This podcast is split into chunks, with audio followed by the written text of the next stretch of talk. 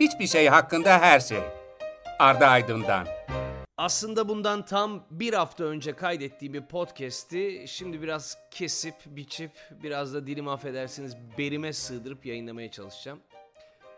Vallahi dayanamıyorum, billahi dayanamıyorum. Yani susamıyorum. Aşağı bakamıyorum. Sustukça sıranın bana geleceğini, aşağı baktıkça boynumun büküleceğini biliyorum ama yine de şimdi söyleyeceklerimi ve anlatacaklarımı lütfen aklınızda 500'le, 1000'le, 1 milyonla falan çarparak dinleyin olur mu? Lütfen. Kısmet bunaymış. Zaten dinlerken Epi Topu sadece bir hafta önceki gündemde şimdiki gündemin nedenli farklı olduğunu, bu ülkede aslında hiçbir şeyin kötü gitmediğini, aksine çok ama çok kötü gittiğini anlayacaksınız. Ya bu seriyi dinlediyseniz daha evvel zaten bunların hepsine hakimsiniz ama ilk kez dinleyen varsa lütfen insan gibi dinlesin ve biraz sakin olsun tamam mı? Neyse başlıyorum. Tarih nerede diyeceksiniz? Tarih işte burada. Twitter'da ilk atılan tweet bundan tam 15 yıl önce kurucusu Jack Dorsey tarafından Just setting up my Twitter yazılarak atıldı. Yani e, şey diyor. E, şu Twitter'ımı bir kontrol edeyim, bir ayar çekeyim şuna demek istiyor ve şu anda bildiğim kadarıyla da bu Just setting up my Twitter e, tweet'i biri tarafından satın alındı. Bir Türk tarafından hatta satın alındı. Nasıl oldu diye hiç sormayın açın okuyun. Var internette böyle işte dijital ortamlarda yazılmış hatta işte e, uzun zaman önce dijital ya internet ortamına konmuş şeyler alınıp satılabiliyormuş. Her neyse. İnternette var. Neyse ne diyordum? Ha. Tarihte şimdi bundan 15 yıl önce Jack Dorsey tarafından atılan tweet'i anladık. Şimdi dönüyorum. Tarihte ilk haberse milattan önce 59 yılında basılan Acta Duirna gazetesi tarafından yazılmış ve bu gazete Roma Senatosu'ndan haberleri halka duyurmak için 2000 adet filan basılmış. Bunun da sebebi işte o zaman biliyorsunuz kağıt yok. Kağıt e, çok yeni bir şey. Ondan sonra yani parşömene mi artık neye basıyorlarsa yani hani kıymetli bir şeye basıyorlar yani. yani pahalı bir şeye basıyorlar. Zor bir şeye daha doğrusu pahadan ziyade.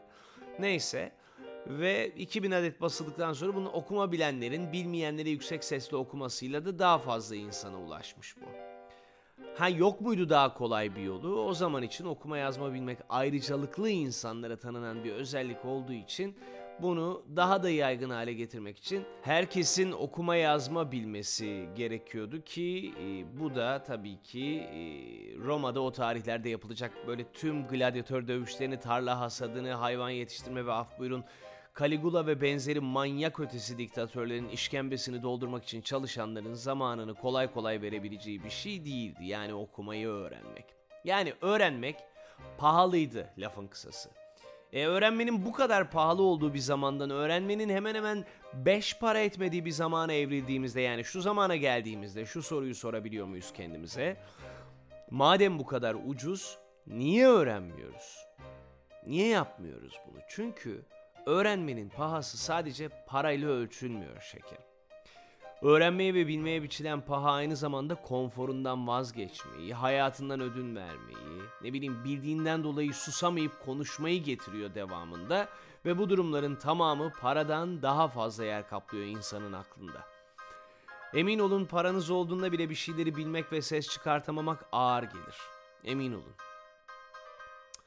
Buna örnek Osman Kavala'yı verebiliriz. Yani Türkiye'nin en zengin iş adamlarından biri. Parası, serveti, her şey varken bildiği ve okuduğu şeyler, yaşanan dayatmalar ve halkın uğradığı haksızlıklar canına tak edince benim de iki çift edecek lafım var dedi ve sonuç bugün itibariyle 3 yılı aşkın bir süredir hapiste. Demek ki paran olsa da konforu ve rahatı korumak konusunda sıkıntı yaşatıyorlar insana. Ha Osman Kavala'ya bu rahatsızlığı kim yaşatıyor? İşte orası çok net ama o kadar karışık ki o çarşı. Osman Kavala'nın adını bile duymamış bir takım kişiler sadece bilgisizliklerinden, cehaletinden, görgüsüzlüklerinden, körü körüne inandıkları insanların yaftalamaları yüzünden ona karşı düşmanlık besliyorlar. Yani besledikleri düşmanlığın bence tek bir sebebi var. Ya gerçeği görür de huzurun bozulursa. Bakın lebalep kongreler yapıldı bu ülkede ve en son 24 Mart'ta bunun kombosunu yaşattılar. Hani şu söylendi. Öyle kalabalık, öyle çoğuz ki bizim ne konforumuz ne de rahatımız bozulur. Şimdi bir yanda bildiğinden dolayı sorumlu hissedenler var kendilerini artık. Bir yanda da bildiğinden sorumlu olanlar. Şimdi bu ikisi aynı şey değil, aynı şey gibi duyuluyor olabilir ama değil. Olsa herhalde söylemezdik. Biliyoruz da konuşuyoruz kardeşim. Bildiğinden dolayı sorumlu olanlar bunu keşke bilmeseydim diyebilecek bir güruha dönüşebilirler ve eğer ki dönüşürlerse sağır dilsiz de diyebiliriz onlara. Üç maymunda her şey ama bildiğinden sorumlu olanların kaçacak bir yeri yok ve olamaz da. Yani insan bir meseleyi biliyorsa bunu paylaşmak, yaymak artık ona kalmıştır ve bildiğinden sorumlu olmak artık büyük bir gebeliktir. Yani ya doğurursun ya da düşürürsün. Doğurduğun anda da bildiğinden dolayı sorumlu olanlara atarsın ki pası onlar da bilmeyenleri bir şekilde haberdar etsinler. Mesele nereye geldi? Hop habere haberciliğe değil mi? Bak başta da söyledim. Tarihte ilk haberle Twitter'da ilk atılan tweet arasında iki küsür bin sene geçmiş ki Twitter biliyorsunuz bir mikroblog. Hep aynı döngünün içindeyiz ve çıkmak istemiyoruz bu döngüden. Çıkamıyoruz demiyorum. Keşke diyebilsem. İsteyen çıkabilir ve çıkan da çıkıyor bu döngüden ama gel gelelim. Çoğunluk halinde çıkmak istemiyoruz bu döngüden. Yani dışarısı tekinsiz ve korkutucu. Yani şundan bahsediyorum haberdar olma durumu ve haberdar olduğumuzun başkaları tarafından da bilinmesi meselesi ve bunu yayabilmek cesareti. Evet. Şimdi bakın dışarısı tekinsiz ve korkutucu dedim ya. Şimdi eğri oturup doğru konuşalım. Hanginiz korku duymuyor? Bildiğimi paylaştığımda başıma bir şey gelirse diye. Ya ben evde kal düzcem hashtagini paylaştım diye soruşturma yedim. Bunu biliyor musunuz? Bir adım ötesi mahkeme, Ha bir adım ötesi sonrası da yani ceza ve isterse artık şu andan itibaren beni o Silivri'nin şahane soğuğuna yollayabilir ve konfor alanımı orada ne kadar olacağını Allah'ın bile bilmediği bir süre içinde yeniden yaratmamı isteyebilir. İşin ucunda korku olmadan tüm bu bilmeler vesaireler zaten yayılmaz yayılamaz ama ne olur bir de şu açıdan bakalım. Biz biliyoruz da ne oluyor sanki? Ülkenin altına dinamit koymuş teker teker patlatıyorlar ve bir de bakmışsın böyle TV'de en sevdiğin dizinin yeni bölümü de çekilemiyor. Ha? Payitaht filan. Hadi buyur buradan yak. Ne izleyeceksin akşam? Daha da önemlisi akşam izleyeceğin bir televizyonun bile kalmamış elinde. Neyi izleyeceksin? Anca böyle bön bön bakarsın üstüne yıkılmış binanın taşları arasından. Demem o ki pek sevgili dinleyen arkadaşlarım haberin var ama haberin yokmuş gibi davrandığın her şey, bildiğin ama bildiğinden korktuğun her şey birer birer üstüne yıkılmaya mahkum. Hani kadın öğrenirse çocuk öğrenir var ya, İstanbul Sözleşmesi'nin temeli aslında bu. Öğrenilmesin, bilinmesin, konuşulmasın, susulsun ve isteyen istediğini yapabilsin. Tüm insanları doğduğuna pişman etsin için yapılıyor tüm yapılanlar. Haberin varsa artık kaçışın yok. Artık biliyorsun ve tüm bildiklerin seni bir zaman sonra perişan edecek haberin olsun. Aydın Delikanlı Takma isimli bir Aydın Fırat diye biri var mesela. Vardı bir hafta oldu bundan. Ee, sağır dilsiz mülteci bir çocuğu eşcinsel diye bir yere kapatıp saatlerce işkence edip bunu da kameraya kaydediyor ruh hastası. Artık bundan haberin var mesela ne yapmayı düşünüyorsun? Polis aldı götürdü herifi. 30 suçtan sabıkalı herif. Ortalarda gönlüce dolaşıp millete eziyet olmaya devam etmiş bunca zaman. Artık bundan haberin var. Yokmuş gibi mi davranacaksın? Ne yapacaksın? Bu AKP milletvekilinin özel kalemi bir adam vardı ya hani Kürşat Ayvatoğlu. Hala var da gerçi neyse işte. Özel kalem ama işte büro çalışanı falan diye gösterdiler. Daha şey olsun hafif olsun diye şey yapmasın diye. Çok belli olmasın diye hatırlıyorsunuz. Evet o mesela aşırı pahalı arabasında böyle kokain çekerken görüntüleniyor arka koltukta oturan kişi tarafından ve bir şekilde bunu yayınlıyorlar ve bundan haberin var artık. Sonra pudra şekeri savunması yaptı herif ve daha da önemlisi bunun bu kadarla kalması için gayret gösteriyor. Hala parti içinde işlerimi yürütürüm bir zaman sonra düşüncesi var kafasında olanın. İşi sadece madde kullanımıyla sınırlandırıp kısa zamanda haksız edindiği o servetin parti içinde işlerin nasıl yürüdüğünün konuşulmasının önüne geçmeye çalışıyor. Çakal herife bak ya.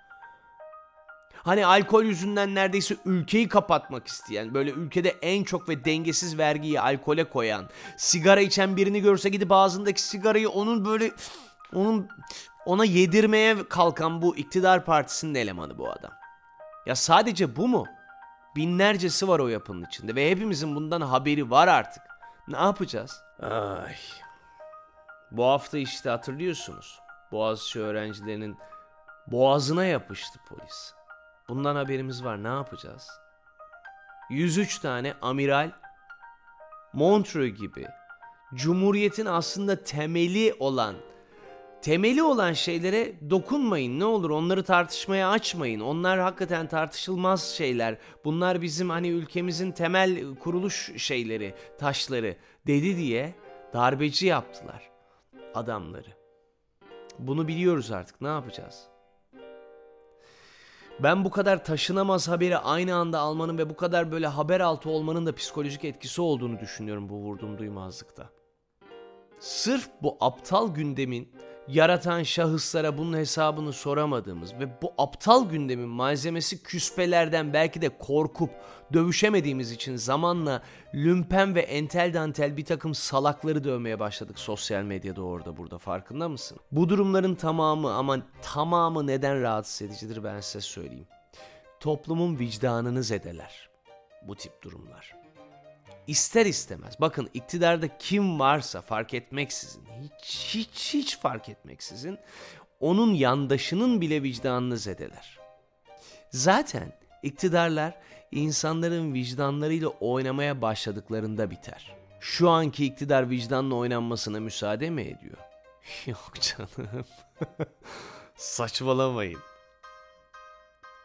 Eski zamanlarda tüccarlar neden kötü bilinirmiş bilir misiniz? Hala da gerçi birçok tüccar, birçok iş adamı onlar tüccarlıktan iş adamlığına geçti ama hala da kötü biliniyorlar. Neden kötü bilinirmiş bilir misiniz eski zamanlarda özellikle?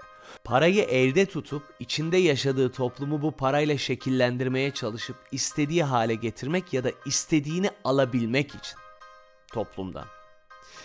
Bu yüzden Şeyma Subaşı bu ülkede hem izlenen hem de her yaptığıyla nefret uyandıran bir obje. Çünkü o da bu işten para kazanıyor artık. Yani vicdan zedeleyerek ve onun gibi şimdilerde sosyal medya üzerinden hiçbir üretim yapmadan hiçbir şey yapmadan sadece yüz görümlülüğüyle para yapıp senin benim tonla para döktüğümüz ürünlerin markaların isimlerini arkalarına alıp aslında senin benim cebimden çıkan parayı cebine atarak vicdan kanatıyorlar ve maalesef bunun farkında bile değil çoğu biliyorsunuz değil mi? Kıskanıyorlar diye bakıyorlar. Hanginiz beşli ihale grubunun aldığı her ihaleden memnun? Hı? Hanginizin vicdanı bu beşli ihalecilerin davetle aldıkları her ihaleyle ülkenin en güzel, en kıymetli topraklarını cehenneme çevirmelerinden rahatsız olmuyor? Vicdanen. Ay neyse bakın gene çok genel, çok kaba bir şekilde haber verdim size. Bir de Boğaziçi Üniversitesi'ndeki kayyum hala orada. Bunu da unutmayalım lütfen. Ve çocukların buna karşı sokakta eylem yapmalarına bile müsaade etmiyorlar artık. 150'nin üzerinde insanı tekme tokat gözaltına aldılar ve kampüsün dışına çıkmalarını kesinlikle istemiyorlar. Çünkü bu iş artık geri dönülmez bir noktaya geldi ve kimsenin daha fazla bundan haberi olmasın istiyor muktedir. Yine her zaman olduğu gibi sözü uzattım özür diliyorum ve hiçbir şey söylemedim ama zaten adı üzerinde hiçbir şey hakkında her şeyi konuşuyorum. Yani size Bugün böyle bir şeylere haber vermeye çalıştım. Öyle tarihten minik tefek şeyler paylaşıyorum sizinle filan işte. Aldığınızı alın. Almadığınızda aklınızın bir köşesinde dursun. Zira bir şey olur filan dersiniz ki ulan ben bunu biliyordum ya.